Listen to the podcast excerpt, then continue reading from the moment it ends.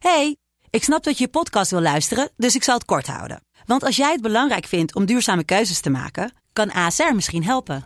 Nou hoor ik je denken, hoe dan?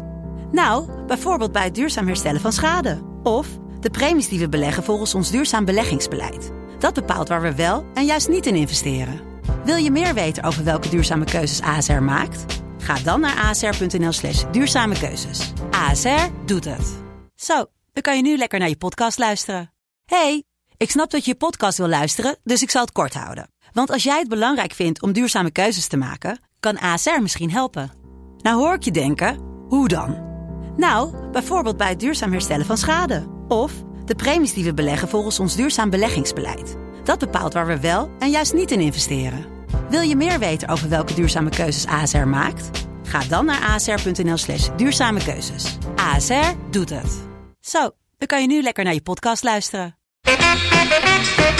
Dit is Mand, de kortste podcast van Nederland. Vandaag gaan we het hebben over muggen, vliegen, insecten die overlast veroorzaken. Weet je wat ik zo kut vind? Als je dan aan het slapen bent, dat zo... Weet je dat ze altijd zwanger zijn? Het zijn alleen maar de zwangere vrouwen die prikken. Bij de muggen. Ja, ik zweer het. Nee, man. Die zijn op zoek naar bloed. Mannetjes doen dat niet. En dan heb je muggen die steken, vliegen die steken niet. Maar je hebt ook steekvliegen. Is dat dan een vlug? Dit was Mand. Mand.